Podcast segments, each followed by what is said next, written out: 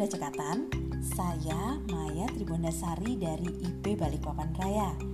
Untuk teman-teman yang saat ini sedang aktif di dunia online marketing atau digital marketing, pernahkah kalian merasa bingung atau kehabisan ide ketika melakukan PDKT dengan calon customer? Jika iya, selamat.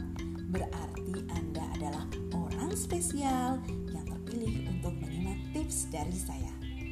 Lakukan PDKT dalam rentang waktu kurang lebih sekitar satu bulan. Wow, ngapain aja ya? Japri dong tentunya. Setiap hari? Ya enggak lah, cukup tujuh kali saja dalam satu bulan. Dan berikan jeda 3-4 hari antara japrian pertama dengan japrian berikutnya. Terus apa dong isi japriannya?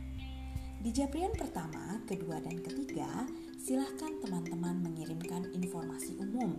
Bisa berupa doa, motivasi, quote, kisah inspirasi, atau yang sejenisnya.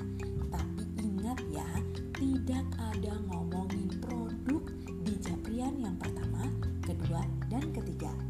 Nanti di japrian keempat, kelima, dan keenam, silahkan teman-teman mulai mengenalkan produknya bisa berupa fitur produknya, benefit yang didapat, keunggulan, testimoni, atau yang lainnya yang intinya dari pengenalan produk ini customer bisa memiliki pengetahuan yang utuh tentang produk yang ditawarkan.